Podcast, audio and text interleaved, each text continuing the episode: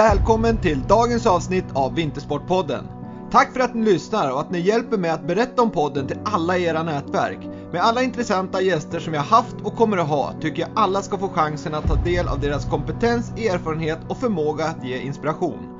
Så följ Vintersportpodden där poddar finns så ni får ett meddelande när ett nytt avsnitt är publiceras och naturligtvis följ Vintersportpodden på Instagram för att få relevant information om vad som är på gång och inspiration.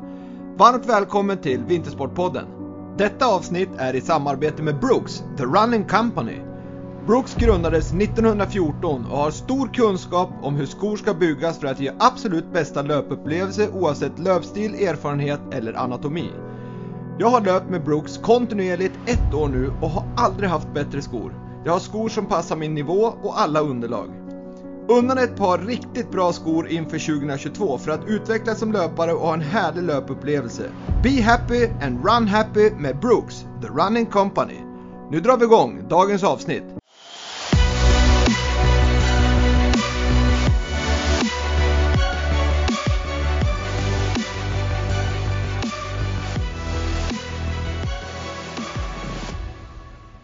Dagens gäst i Vintersportpodden, designern, konstnären, filmregissören, manusförfattaren, musikern, skådespelaren och, i mina ögon, den livslevande legenden. Varmt välkommen till Vintersportpodden, Lasse Åberg. Tack så mycket. Det var en väldigt smickrande beskrivning. Ja, jag, jag slickar i mig. Ja. ja, det är bra. Men, men, men eh, faktum är att det, det, det gör det ju lite svårt att ha en, en sån här intervju också med, med, du har ju så jäkla många strängar på din lyra känns det som. Ja, jag har eh, vad man brukar kalla för en eh, lite diffus yrkesprofil. ja, verkligen. Men, men, eh, men vi ska gå in på den, bara jag får förklara att många lyssnare här är ju liksom normalt sett har jag elitåkare inom kanske längdåkning, skidskytte, alpint och tränare och doktorer som håller på med det. Och så tänker många att har du med dig Lasse Åberg i Vintersportpodden? Men för mig så har dina, eller din film Snowroller åtminstone om vi, om vi pratar om den, har ju varenda skidåkare från gammal till ung sett den filmen och relatera till det med tyng, liksom, tyngden på dalskidan, älskling. Det är hela grejen som man säger direktör Jönsson till sin fru där. Um, så att därför vill jag ha med dig Lasse och sen har du en fantastisk person. Så att då har vi rätt ut det. Okej. Okay. Ja. Det är bra. Jag har Men... åkt lite skidor. Så att uh, jag har uh, till exempel åkt med Ingmar Stenmark. Det är inte så många som har gjort. Jaha. Jag har varit med i Snöreses testpatrull i några år och åkt genom fem orter på en vecka då och då. Så att eh, lite lag har jag åkt. men men jag, då, då ska vi reda ut det där med Ingmar Stenmark till att börja med. Hur, hur kom det sig att du åkte med honom? Nej, det var ett, ett, eh, i, för snöresor. De gjorde någonting som heter Snöresors vitbok och eh, han ställde då upp som modell och, jag var med som nylle sådär så att eh, vi träffades och åkte lite skidor ihop ner i Alperna. Och när var det här? Ja, det är ju slutet på 80-talet. Okay. Mitten på 80-talet, så det är några år sedan. Så det är några år sedan. Men, men jag tänker liksom, du säger ändå att då har du, du är ju liksom en, en skidåkare får man ju säga. Men hur, ja. jag tänkte, var det någonting av det som låg till grund för, för det du skapade sen i, i filmerna eller konceptet där till, till eh, Sällskapsresan-filmerna? Ja, filmerna var ju ett växelbruk mellan min producentvän Bo Jonsson och, och jag.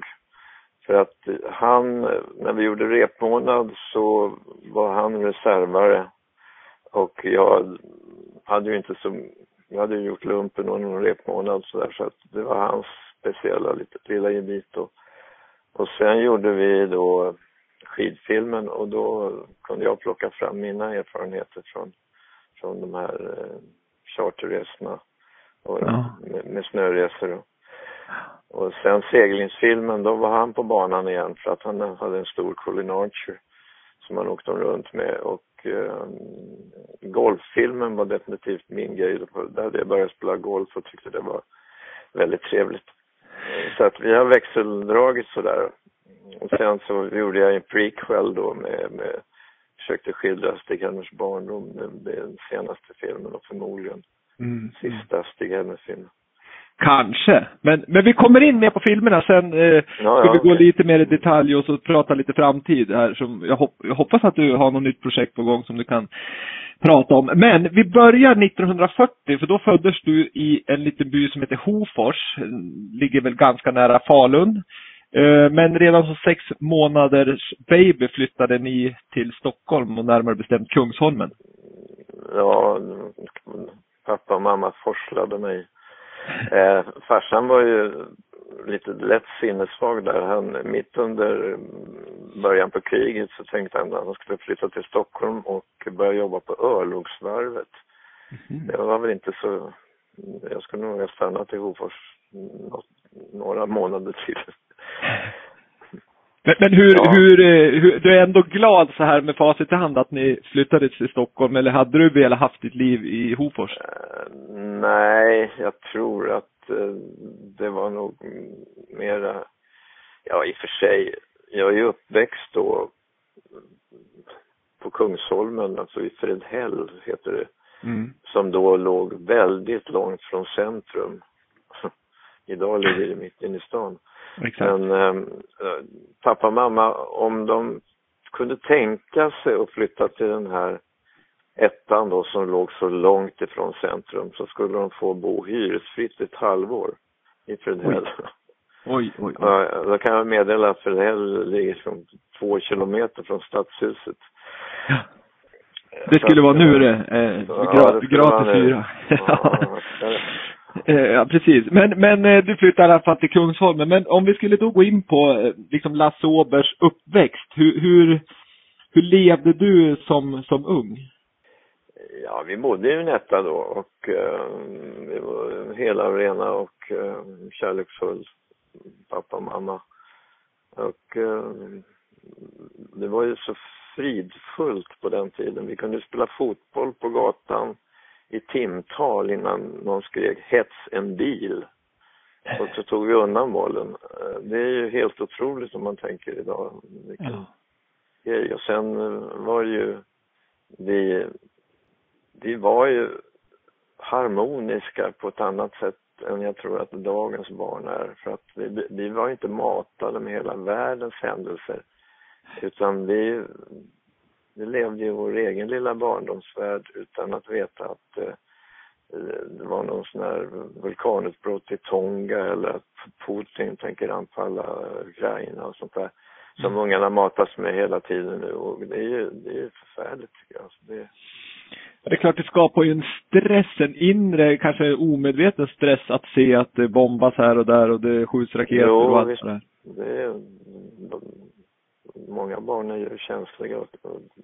Jag vet ju att jag gick och gömde mig när jag fick se en, eh, rubrik på eh, Expressens framsida där det stod krig. Och då var det Koreakriget då, men det, det tyckte jag, bara det var ju så otäckt sätt. Jag gick och gömde mig under köksbordet ett tag. Och nu reflekterar man kanske inte ens på Nej. Jag menar, det är bara att titta på vad som... Det finns en slags avtrubbning i det där också, att hela tiden översköljas. Man, man noterar det knappast.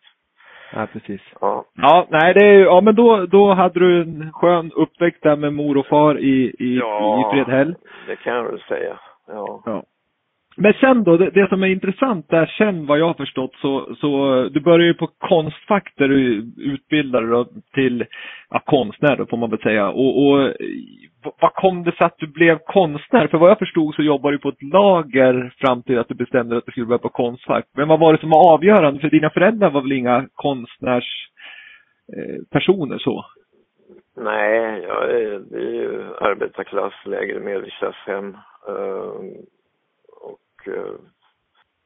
men jag sa redan när jag var i tioårsåldern att jag skulle bli tecknare för jag fick väldigt mycket beröm för att jag ritade gubbar sådär och moster Birgit i Sandviken, hon sa Åh Lasse, du ritar så det ser tryggt ut. Då tänkte jag, fan jag är ett geni. och sen eh, tecknade jag och tecknade och många barn slutar ju teckna för de tycker de är dåliga på att teckna. Men många barn tecknar ju i unga år men sen så känner de prestationsångest.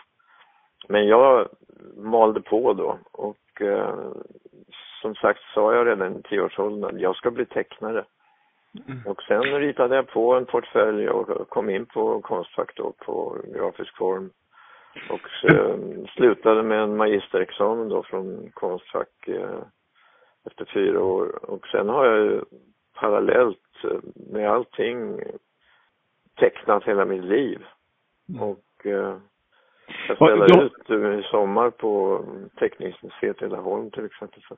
Vad är det du framförallt tecknar då? För jag, jag minns, va, om, om vi, vad är det du tecknar mest då? För du, dina liksom glas och sånt där, det är ju Musse Pigg-tema på dem om man säger. Men i övrigt då, är det allting eller har du ett, ett mönster som du följer? Eh, jag brukar kalla det för grafiska spratt eller visuella hyss. Eh, jag försöker alltid hitta någon twist i bilderna och eh, jag har ju gjort varit väldigt flitig. Jag har gjort över 300 litografiska upplagor, vilket är väldigt mycket. Jag tror jag slår väldigt många konstnärer.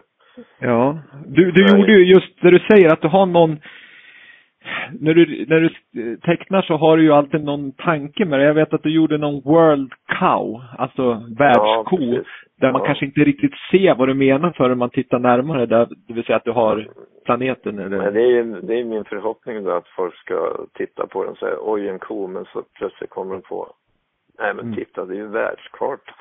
Mm. Eh, jag strävar efter att få någon slags reaktion på det sättet i mina mm. bilder. Men, men, men att, att, jag började som konstnär, eh, eller började ställa ut konstnär och konstnär, eh, det var ju att jag blev väldigt fascinerad av popkonsten när den kom. Och då gick jag på Konstfack, då kom den första popkonstutställningen eh, till Sverige på Moderna Museet som hette Fyra amerikanare. Och jag blev väldigt fascinerad av popkonsten. Man kan ta vad som helst och måla av. Man kan Var det inom en meters ja, radio? Hittar man ingenting inom en meters radie som man kan teckna eller måla av sig är man ingen riktig konstnär. Det var liksom popkonstens mantra.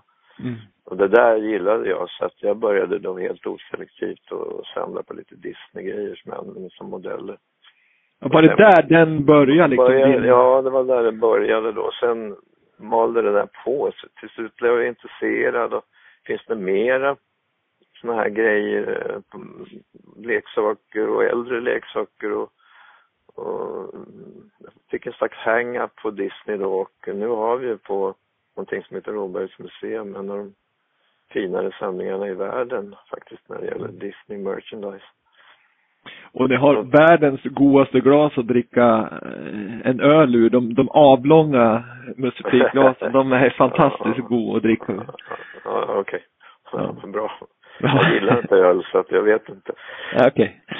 Nej, så är det. Men du, jag har också hört att liksom att du blev en tecknare då, var, var det, din, din mor och far har sagt att de inte kunde rita ett streck en gång medan din farfar var smed. Var det därifrån du fick det här liksom konstnärliga och, och skapandet?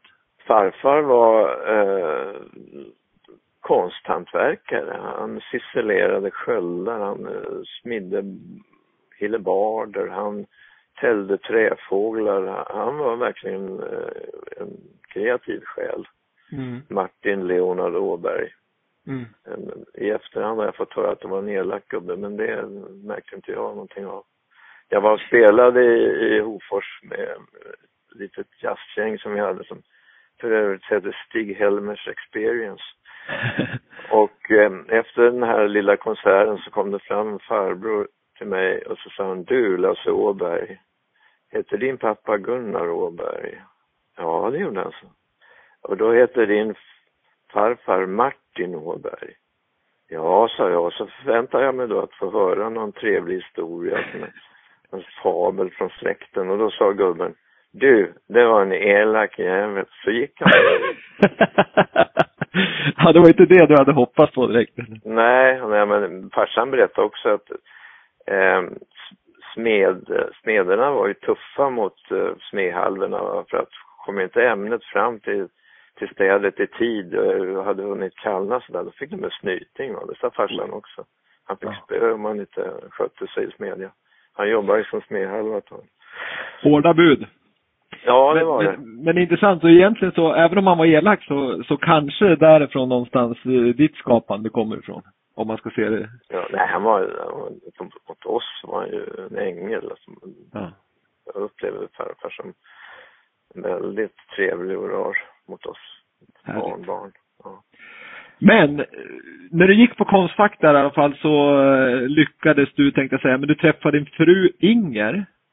Ja. Eh, som du fortfarande är gift med. Du gifte dig 1965 vad jag förstått och, och fortfarande är gift. Eh, Det är ju en bragd i sig att, att hålla... Borde hålla... få Carnegie-medalj eller ja men precis. Men, men det är ju någonting annat. Hur, hur eh, hon är också konstnär men hon har väl hamnat lite i skuggan av dig vad jag förstått. Ja, vi konkurrerar ju inte. Hon håller ju på med textilkonst. Vi ställer ut väldigt ofta ihop sådär så att hon är inte alls på något sätt undanskuffad kan jag säga. Tvärtom. Men, men var hon, var hon en Hon är del väl- av, Förlåt? vad du, säg. Hon, du, du skulle säga något om henne. Nej men att hon är, är ju så att säga håller sig strikt till sitt skapande. Jag får ju omkring som, eh, som jag sa så har jag väl jag tror luddig yrkesprofil. Folk har ju svårt att förstå vad gör jag egentligen. Men då kan jag säga då att min enda formella utbildning det är ju min, min utbildning på Konstfack. Ja. Och jag, det var ju meningen att jag skulle bli då grafisk formgivare men sen kickade livet iväg mig åt olika håll. Med musik Ja. och film. Ja, precis. Det är ju helt fascinerande när man ser just ditt CV. Det är ju, det har ju som ma- massa olika saker. Men, men jag tänker med, med frun här så har du två barn och eh, de är också lite involverade i, tänkte jag säga, inte involverade, men de är väl också lite åt det liksom grafiska.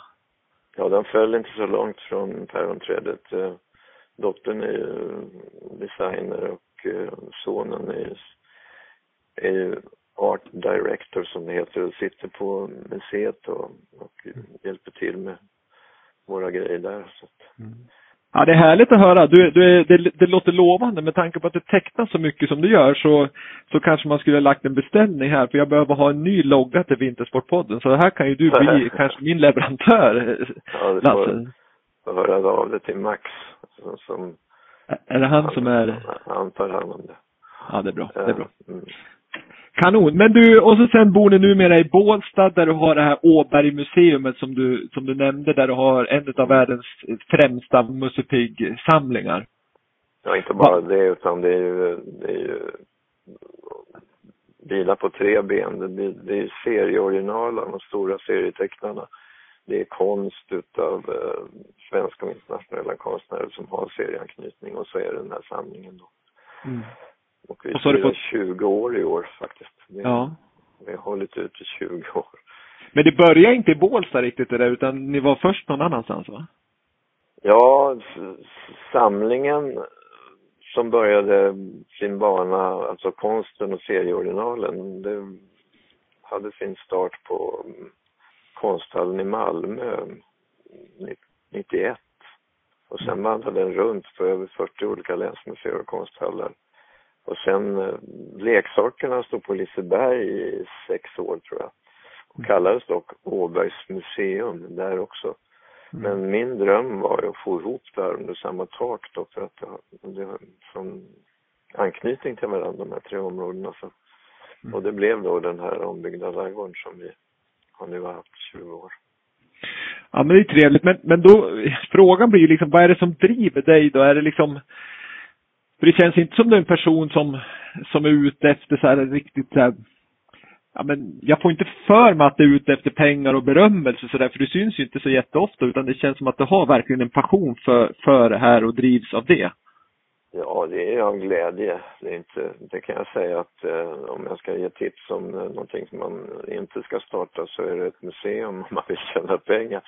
Utan eh, det är ju ja, av det- ren och skär eh, glädje kan jag säga. Mm. Det har varit en ja. fantastisk resa. Men sen då har du gjort vissa sådana här jäkligt kända formgivningar eh, och då tänker jag framförallt då på, på faktiskt det här tyget som, som är på, i tunnelbanan och på pendeltågen. Eh, på, på storsitsarna så är det ju som något Stockholm-motiv av något slag.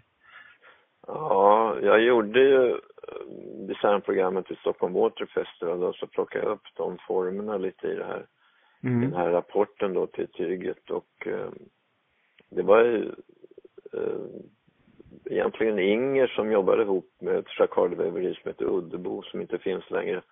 Eh, och så frågar de lite om passant, frågar mig sådär, du Lasse kan inte du eh, göra någon rapport med Stockholmsanknytning? Ja visst kan jag göra det, så sen.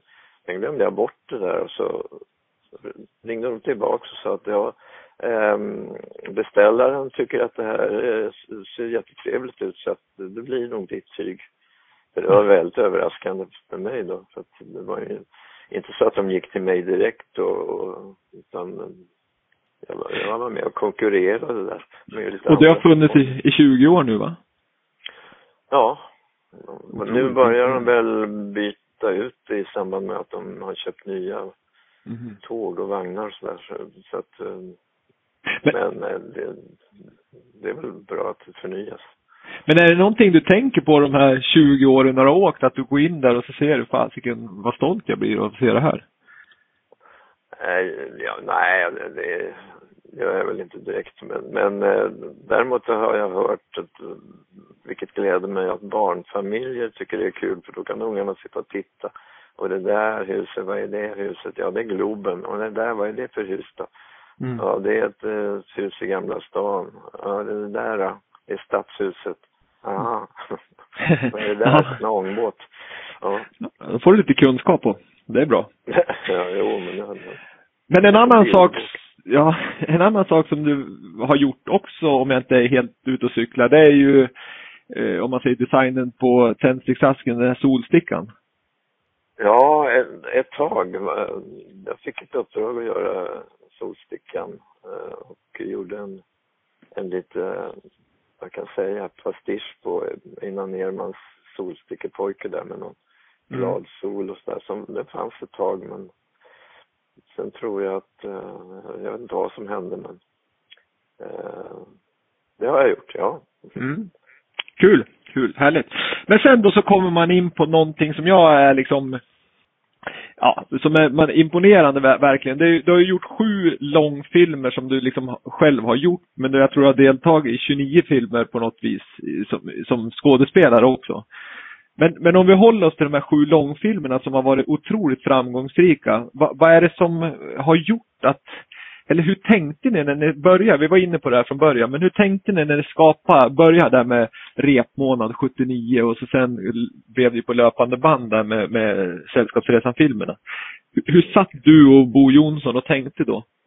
Vi tänkte så här att eh, standarden på bred svensk film tyckte vi var rätt så usel då. Det var liksom Åsa-Nisse, den sorten, vilket i och för sig är charmerande men, men eh, vi ville göra eh, någon slags, man får kalla det för socialreportage.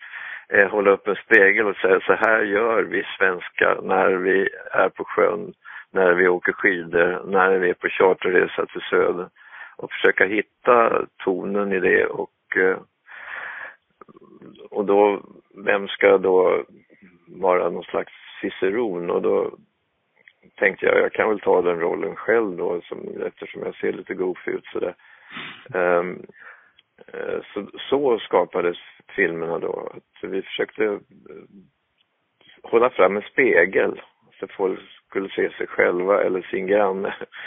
Eh, det var vår, vår avsikt. Och filmerna är ju, tycker jag, inte så oförärliga som folk säger för att de är rätt vassa om man tänker på konflikten i golfaren till exempel mellan arkeologerna och de, de, de här grabbarna som uh, ska exploatera golfen och så vidare så att uh, Va, vi, Ja.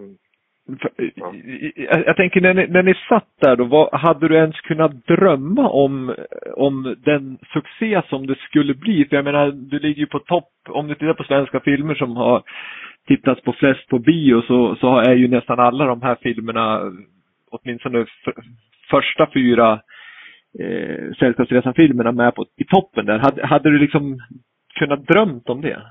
Nej, naturligtvis inte. Det, det, det var trevligt att jobba med Bosse och vi gjorde de här filmerna med glatt humör och hade trevligt och eh, vi var ju ute på en resa när vi fick reda på att eh, det var otroligt många som hade gått och sett repmånaden. Eh, så att mm. eh, jag blev väldigt överraskad.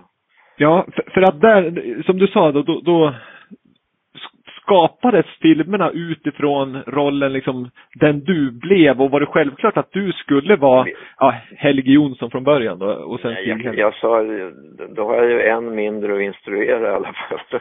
Ja. Av skådisarna. Eh, vi, de tre första filmerna eh, vi, var, vi var nere i Skåne och hade något sånt där kreativt möte. De tre första filmerna noterade vi eh, utav sällskapsresefilmerna som de kallas. De heter ju egentligen eh, Sällskapsresan, Snowroller och SOS.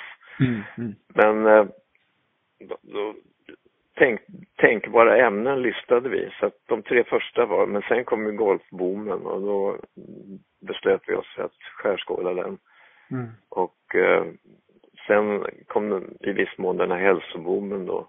Mm. Och då tänkte vi, då måste vi titta på det också med bluffen i bantningsindustrin och eh, det här med eh, moderna häxor och trädkramning och annat konstigt.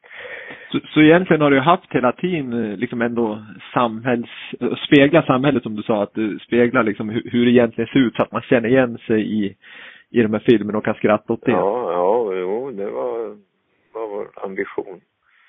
Men, men det jag tycker, för jag, jag tror och jag kan nog säga med, med stolthet och glädje att jag är en utav de som har sett Sällskapsresorna-filmerna mest av alla skulle jag tro. Jag, jag vet inte hur många gånger jag har sett dem, det är helt obegripligt. Men alltså det jag ty tycker är så fascinerande det är ju hur man träffar de här olika rollerna så väl. Liksom om du tar Sällskapsresan-filmen Snowroller till exempel med Ole Bramsrud, direktör Jönsson, Stig-Helmer då, och så kvinnorna som är där liksom och håller på och så de här röjarna, alltså Hökarängens slalomklubb där. Det, det, är liksom, det är ju verkligen klockrent hur, hur det ser ut. Hur, hur, hur, när ni gjorde det här och tog fram de här profilerna, ni måste ju ha haft jäkligt kul. Ja, ja, det, det roliga med film det är förarbetet och efterarbetet och det jobbiga med film det är filmandet. Mm. För att då, då ska ju då, det, det, eftersom jag valt att vara både bakom och framför kameran så och sen då ska vara någon slags arbetsledare för eh, 25-30 personer så är det rätt ansträngande för en reklamtecknare från Bålsta. Så att, eh, men jag har ju god hjälp av teamet och sådär. Så. Men eh, innan jobbet är jätteroligt, skriva manus, man får vara gud själv och bestämma vad folk ska säga och göra sådär. Och sen efterarbetet också är jätteroligt. Ja, det förstår jag verkligen. Det måste ju, och sen bestämma vart man ska vara. Jag kan berätta, eftersom det handlar om skidor, att vi gjorde en märklig film, eh, Ade Stryber, Torbjörn Axelman och jag, 1965 som heter Oj oj oj eller Sången om den eldröda hummeln.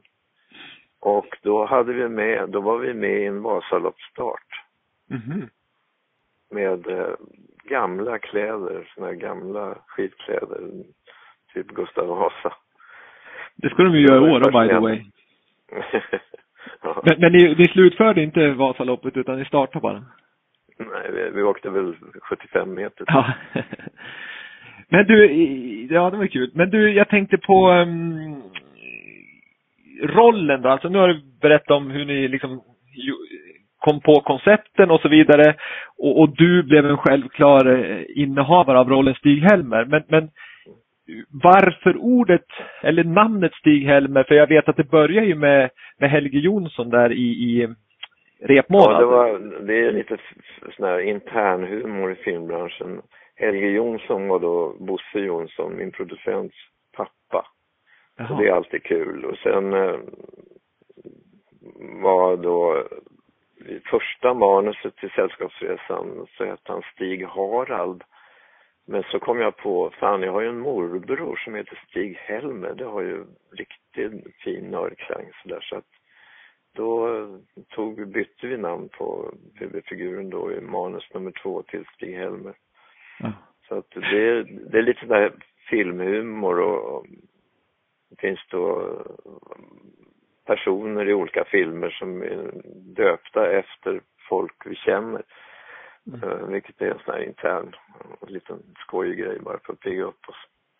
En, en oskön person i den där filmen tänkte jag säga, det är ju direktör Jönsson. Är det någon person som du kan, liksom känner också som du, eller är det bara en påhittad? Nej, det är inte någon som jag känner.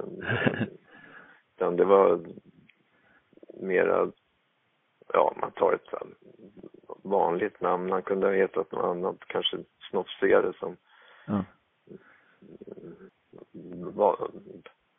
Pärlebrink eller något där. Ja. Taget. Ja.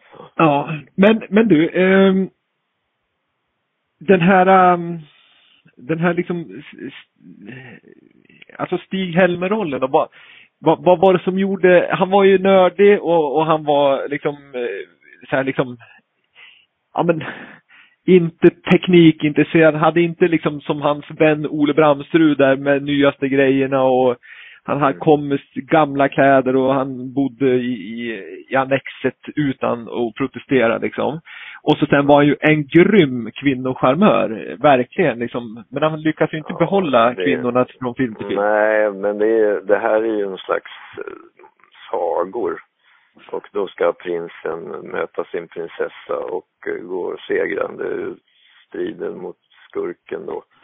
Eh, det, det, annars skulle publiken bli väldigt besviken och Stig-Helmer eh, för att han ska kunna fungera i de här filmerna så måste han ju vara, han ska inte kunna åka skidor, han ska inte ha seglat, han ska inte och så vidare ha spelat golf, så blir han ju användbar som verktyg då. Mm. Um, så att uh, det ja, det är ju... att han ska vara clean. Mm. Ja, men jag har ju träffat det otroligt bra och, och det som fascinerar mig och det, det, måste ju du ha tänkt på någon gång. Vad är det som gör att man gång efter gång efter gång efter gång, varenda jul i princip och däremellan så, så ser man de här filmerna och man blir inte less på dem och man hittar nästan varje gång hittar man något nytt man kan liksom skratta åt och sådär. Ha, har du funderat på vad är det som gör det? För tittar du på en annan film så är du ju less efter en gång. Ja, det kan inte jag svara riktigt på, men och det är inte, det är ju då TV4 främst som tycker att det har blivit någon tradition och eh, jag har inte så mycket att säga till om där utan det är ju, och det är ju i och för sig kul att de går och sådär och att folk gillar dem, men Kollar du på dem när de går på julen? Jag tittade på halva Celsiusen och eh, jag tyckte den var riktigt bra. Ja, vad bra. Härligt. Ja. Men... Men, men en annan sak som jag är glad över det är ju liksom att det är ju inte liksom en generation som har tittat på de här utan mina barn som är liksom 7 och 11 och 13 år, de, de sitter ju också och tittar på det här. Varenda gång vi är fjällen så ska vi se liksom snowroller. Och, och det är också ganska fascinerande att, att liksom, det är lika roligt för en, en äldre generation som en jo, yngre jag hör, hör det då och då att eh, föräldrar och far och morföräldrar eh, hjärntvättar ungarna med och säger att det här tycker, tycker vi är kul och ungarna kollar och tycker också att det, de är ju, det är ju snälla filmer på ett sätt. Eh, och de hittar ju sina grejer då i när Stig-Helmer åker ner i bäckar och hänger under, mm. under livsstolar och sånt där som, som de tycker är kul, som är lite mer gagsaktigt. Men eh, sen får ju vuxenpubliken får ju sin del då med folkskidan och lite andra grejer sådär som Varenda gång jag åker storlist och den stannar, då, då blir det ju en kommentar om att vi måste fira oss ner. Ja. ja, nej men det är fascinerande och jag är ju glad att, att de här barnen tittar på det här för det är som du säger, det är ju snälla filmer och det är ju inget pang-pang och det är inget våld och sådär så att det är ju liksom alldeles på tok för mycket av den varan idag på, på tv och i media som, som barnen eh, tittar på. Så det är ju jättebra verkligen. Men du, eh, blir du liksom i din vardag idag när du tar din promenad där ute i Bålsta eller om du är inne i Stockholms stad eller om du är ute på något annat ställe. Blir du förknippad med, med de här rollerna? Eller liksom hur, hur, hur är det att leva en vardag som, som Lasse Åberg? Ja, här i Bålsta så är det väl ingen som direkt noterar. Jag är blivit sån här byfåne så det, det är inte men det, det händer ju då och då att folk eh, kommer fram och säger att de har gillat filmerna och frågar om det blir någon mer konsert med Bananbandet och så vidare. Så att, mm. Mm. Men, ja men precis, men vi ska komma in lite grann på Bananbandet där, Electric Banana Band. Men, men innan det så ska vi liksom runda av lite kring de här Sällskapsresan och Stig-Helmer och, och sådär. För någonstans när du beskriver det och när man har läst på om det innan den här poddinspelningen så, så kan jag ändå känna att det Stig-Helmer har i filmen är ju någonstans ändå ganska likt dig som person. Alltså du verkar vara ganska enkel. Du, du är ju egentligen, eller du är en teknik du gillar ju inte teknik så utan du, du har ju till och med det här nödbromsen, den boken som, som ni skrev där för att liksom ja, ja vad, vad ska man säga, liksom, vad kallar du det, framsynta bakåtsträvare? Ja. Handbok för framsynta bakåtsträvare. Ja men precis, så någonstans. Jo, jag, jag, jag har ju, jag har ju ingen bil, jag har inte körkort. Um, jag uh, är lite, jag ensamvarg så här. Jag, gillar design och 50-talsgrejer och så att jag har ju Stig-Helmer och eh, så att det stämmer nog. Ja, för du har ju också, jag, jag, tänker på just det här lite långsamheten som, det är inte direkt så Stig, Stig-Helmer eh, stressar upp sig och, och någonstans har jag också hört att du har någon sån här, du har kallat det katt tid. Alltså när en katt ligger framför mushålet och tittar och ja, väntar till musen ska komma ut. Så kan du också få någon form av katt-tid när du läser eller när du tecknar, att du liksom tiden ja, bara passerar. Jag märker inte att tiden går nej. Det nej. kallas för katt-tid. Katt har ingen tidsuppfattning på det sättet. Och det händer ju mig när jag lyssnar på musik och tecknar att jag tappar helt och hållet tidsuppfattningen. Jag kan sitta i tre, fyra timmar utan att tro att det har gått 20 minuter till. Det... det... måste ju vara en jäkla bra egenskap det liksom få, alltså jag tänker på just det här stressiga samhället som är så måste det vara skönt att kunna gå in i sin bubbla och, och bara vara den man är. Ja, jag tycker väldigt mycket om att teckna. Jag, jag är väldigt flitig. Inte Men du... en dag utan ett streck i mitt motto. Ja okej, okay. vad kul. Härligt. Och så har du, du går till, du går till ditt museum, där har du din, eh, vad ska jag säga, ateljé eller? Nej, hemma.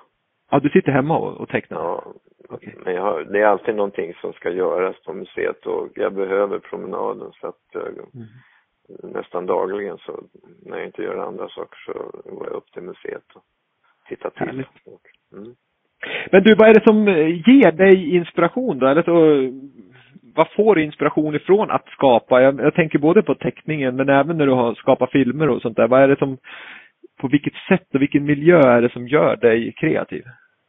Eh, jag måste, måste svara som Hasse Alfredsson sa så här. Hasse, var får du allt ifrån? Och då svarade han, från en liten firma i Tyskland.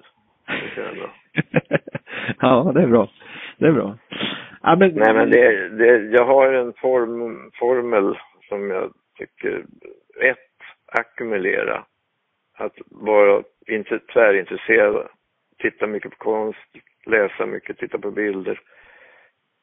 Sen nästa steg är transformera. När man använder det eh, och eh, stuvar om det och till steget är kreera.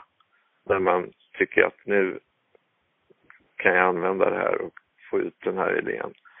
så det kan jag väl säga att håller jag på med. Men... Jag lyssnar mycket på musik, jag läser en hel del och jag tänker på när du, som, som, som det är inom, om man säger design idag, i min värld, och nu, nu är inte jag någon designer, men då, då känns det som att man jobbar väldigt mycket liksom digitalt i datorn. Men du sitter ju verkligen med penna och papper. Är det någon annan som tar vid sen och lyfter in i datorn? Ja, det är Max. Det är så. Okej. Okay. Okej, okay, det är han jag ska prata med. ja, om det ja. ja. ja jo, jo, det, eh, det var väl bara något år sedan eh, som vi började samarbeta med bilder då för att eh, eh det finns ju en try ny tryckteknik som heter Giclé. Förut var, gjorde jag ju litografier och det är ju den klassiska trycktekniken då när man gör litografier. Mm. Att eh, det bygger på att fett och vatten är oförenligt kan man säga. Mm. Men nu kan man göra det digitalt då så att jag tecknar ju fysiskt eh, på papper sen överför man det, skannar man det och sen så kan man färga in bilderna i, i datorn. Mm. Så det har jag gjort några, en fem, sex, sju bilder nu de senaste två åren. På det sättet. Ja, men det, då, då har ni ju båda jobb och det måste vara kul att jobba med sin son i, i, liksom dagligen också. Ja, det är en förtjusande pojke. Ja, härligt. Men, men, du, jag måste, jag måste liksom konst liksom för mig, det är som så brett och det, det är ju ganska liksom svårt att säga vad är bra konst för det är ju som, jag vet inte om, ett, ett, det är ungefär som att fråga hur långt ett rep, ungefär så. Men, men jag frågar ändå, vad tycker du är bra konst? Uh, jag kan ha en liten, e, ett, litet elakt citat där. Uh, If your mother likes it, it isn't art. Väldigt elakt. nej, nej, men det, jag tycker Ernst Billgren har det perfekta svaret på det, för det går inte att svara på egentligen, men han säger, de frågade honom, vad är konst? Och då svarar han, det är en fråga. ja, ungefär så långt kommer man va. Det, ja. det är så, det går inte att ringa in. Nej. Nej, jag förstår det. Jag förstår det. Men, men eh, ja, nej, jag förstår att det är jättesvårt att, att, svara på och det är väl det som är konst, som sagt var, att, att det kan vara vad fasiken som helst. Det är en, fri, en slags frihet. Det, det, man kan säga att man försöker spränga eh, vissa gränser eh, på olika sätt. Det, det, och det märks tycker jag rätt så tydligt när man tittar på de som är upphöjda konstnärer sådär både förr och nu att det, de, de har på något sätt flyttat gränsen eh, en bit framåt hela tiden. Mm. På olika sätt. Ja, verkligen.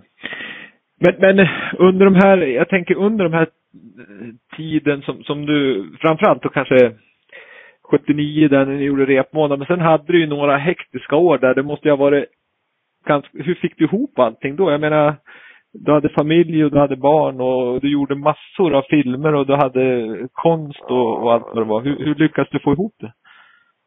Ja, det undrar jag också för att jag, jag var rätt sliten då, jag, jag, det kan jag säga. Att, mm.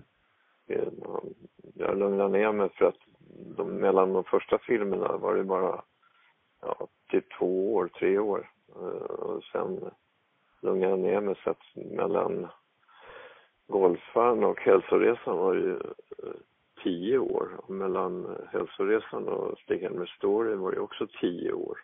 Så att, eh, ja, men hur lång tid tog det att spela in? Ja, men hur lång tid tog det att spela in Snowroller? Ja, själva inspelningen får inte ta längre tid än drygt två månader. Så... Var ni nere i Verbier så länge eller hade ni liksom Nej, samlat ihop er där? vi gjorde mycket interiörer och sånt i Stockholm.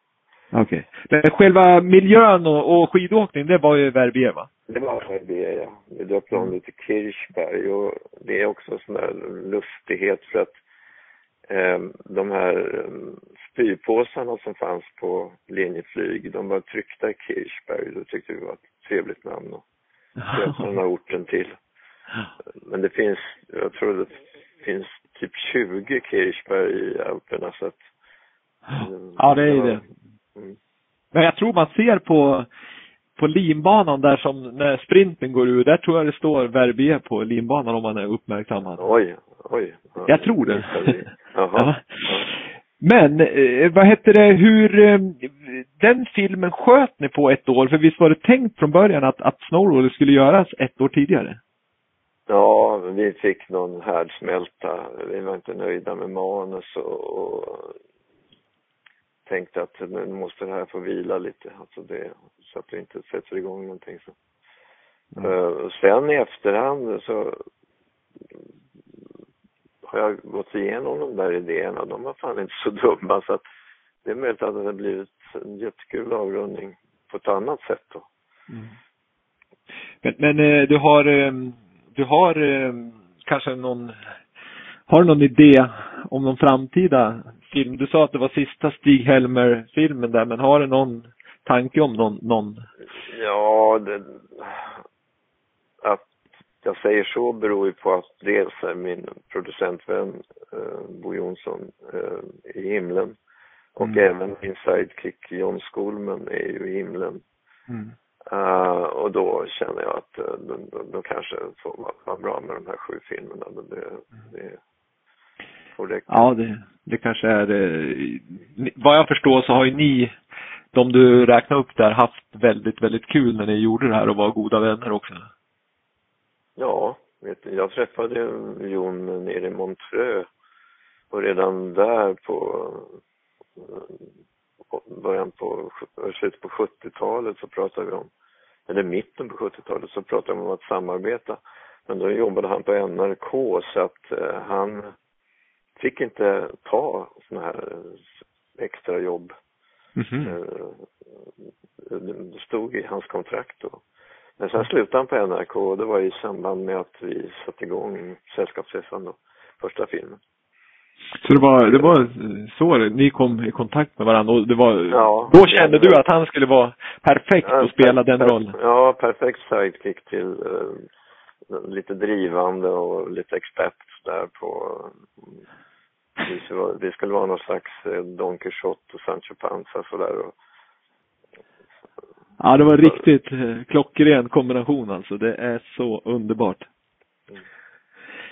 Men du, en sak som vi, vi har pratat mycket konst, vi har pratat mycket film och snowroller framförallt. Men, men jag måste också nämna musiken som, som har varit liksom ytterligare ett ben som har gått fantastiskt bra. Jag menar, du, du jag vet inte om pappa din spelade trummor, men du fick en banjo som du gick runt och spelade på. Hur, hur, hur liksom, på vilket sätt kom musiken in? Var, var, det seriöst från början eller var det en rolig grej som sen blev väldigt, Nej, väldigt framgångsrik? Farsan eh, var som sagt trummis och eh, har, har, faktiskt spelat med ett band som hette Eddie McAndrew som kompade Frank Sinatra på Kinateatern 1953. Det är helt okay. obegripligt. Men i alla fall, han, han, han eh, kom hem en dag så hade han med sig en gitarr. Och så sa han så här till mig, och det kommer jag så väl ihåg. Ta den här Lasse. Eh, för trummor, det är bara ett jävla släpande. Så tog jag gitarren då, så började jag fingra på den och sen um, eftersom jag saknar självinsikt helt och hållet så efter något år så satt jag med i någonting som heter Jazzbalett 62 och kompade någon färgad folksångare från Belafontekören. Uh, det sjöngs lite shanties och visor och grejer. Man, och uh, var där jag träffade Ardis Stryver. Så där började min tv-karriär. Hans fru dansade i den här jazzbaletten och uh, Ardi kom dit och så började vi snacka och så hade han fått göra lite program för tv. Så frågade han mig om jag vill hänga med i en sån här så började tv-karriären. Det var tillfälligheter, men, men va, om du skulle liksom, det är svårt för dig kanske att svara på, men han kanske har sagt det någon gång. Vad var det han såg i dig liksom sådär just att, att han tog med dig in i tv? Var, var det den här Lasse som du har beskrivit eller spelar du ett spel? Vi, vi, vi hade kul, vi hade samma intressen. Det var jazz och det var skämtteckningar och humor och, och uh, ja, vi garvade bra ihop och hade trevligt. Du brukar säga det att dålig humor förgyller vardagen, eller vad du brukar säga? Ett dåligt skämt. eh. Ja, just det. Men, eh, dåliga skämt är inte det sämsta. Mm. Men, men sen, men sen då så drog ni igång liksom det här Electric Banana Band och sådär som, som blev väldigt, väldigt stort och, har, och lika där liksom lever än idag och vissa texter är ju, jag vet ju någon text där om, om att man ska vara rädd om barnen och, och som handlar om liksom kriget i Syrien. Eh, Ja, det gör det väl inte, men det, det var ju, Världens barn heter ju en, orga, heter ju en organisation ja. som eh, faktiskt beställde en låt eh, av bandet och då skrev jag den här Världens barn och, och Schaffer tonsatte. Eh, ja, och det är ju också, Man, man ska bry sig om hur ungarna mår. Ja så var det, så var det. Och, och det är ju liksom en, en klockren text som, som det ser ut idag, det var därför jag sa med Syrien. Där. Det, som Ja, det ser ut idag i, i världen så är det ju en, en klockren text och, och, och, och man ser det så. Och tittar man på den här Maja min Maja med bitska lilla Piraya så har ju den har man ju stått många gånger och gjort de där texterna också tillsammans med sina ungar och, och sådär. Så att jag vet att Kasse Möllber någon gång har sagt dig, om dig att du är en fantastisk liksom, textförfattare. Eh, vart kommer det ifrån då? Är det samma som det Jag konstnärliga? gillar, jag gillar ord. Eh, Jag är road av ord. Mm. Och, eh, att bandet startade, det var i första serien som tyvärr avmagnetiserades eh, av en lite förströdd byråkrat. Så hade vi köpt in, vi köpte in väldigt bra musik. Vi köpte in Sparks, köpte in Blondie, eh, Paul Young. Eh, men så fick vi göra en till serie då eh, som någon slags tröst för att de hade liksom bränt sönder eller avmagnetiserat första serien. Mm. Och eh, då tänkte jag, då kan vi väl lika gärna starta ett eget litet skojband, barnband sådär. Och då ringde jag till Schaffer som var i studio med de som senare blev Electric Banana Band faktiskt. Det var bara en sak som de inte var van vid, det var att ha, ha sådana dräkter på sig när de spelade. Nej, ja, det sa, det sa vi inte första gången vi pratade om att de skulle ha djurdräkter på sig. Men Det fick de ta. Ja. Men även idag... bara- Vad sa Vad sa du? du? Vad sa du? Bandet låg i malpåse eh, rätt så länge. Vi gjorde någon spelning per år sådär. Men så fick vi en erbjudande från Hultsfred, eh, den här stora festivalen. Mm. Och eh, då trodde vi att det skulle komma typ 700 personer och det var ja, 15-20 tusen. Då Mm. tänkte vi det kanske är kul att ta upp det här bandet igen och sen hade vi några highlights där några år kring sekelskiftet. Vi fyllde Globen två gånger samma dag och sånt där. Ja, det var ju helt magiskt. Ja, ja, ja. Verkligen. Ja, det men, kul. men, ja. men även idag så är väl du och Schaffer väldigt goda vänner? ja vi har ju jobbat ihop eh, film, senaste film. Han, ju skri- han skrev ju musiken till Repmånad och han skrev musiken till se- senaste filmen nu, Stig Helmer Story. Så att, eh, och sen har vi nästan daglig kontakt så, om olika saker. Ja, det är en imponerande eh, karriär som du har haft Lasse och har ska jag säga. För du är ju fortfarande absolut i ropet och du håller på att göra reklam här nu och det är lite kul det tycker jag när, när, när du dels har um, du har det här sättet att liksom, bland annat en handbok för framsynta bakåtsträvare, det vill säga nödbromsen.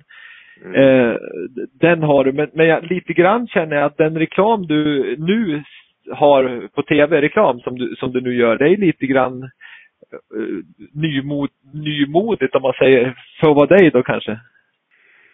Ja, det...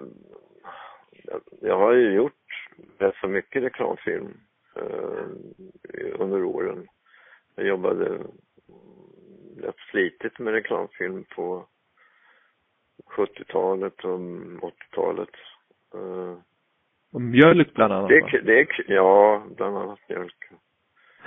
Och sen, eh, det är en kul uppgift att lösa. Jag varit med och, och skapat de här filmerna så att det är inte, det är inte bara att de vill ha någon nylle med utan jag har ju haft lite åsikter om man skulle göra det här.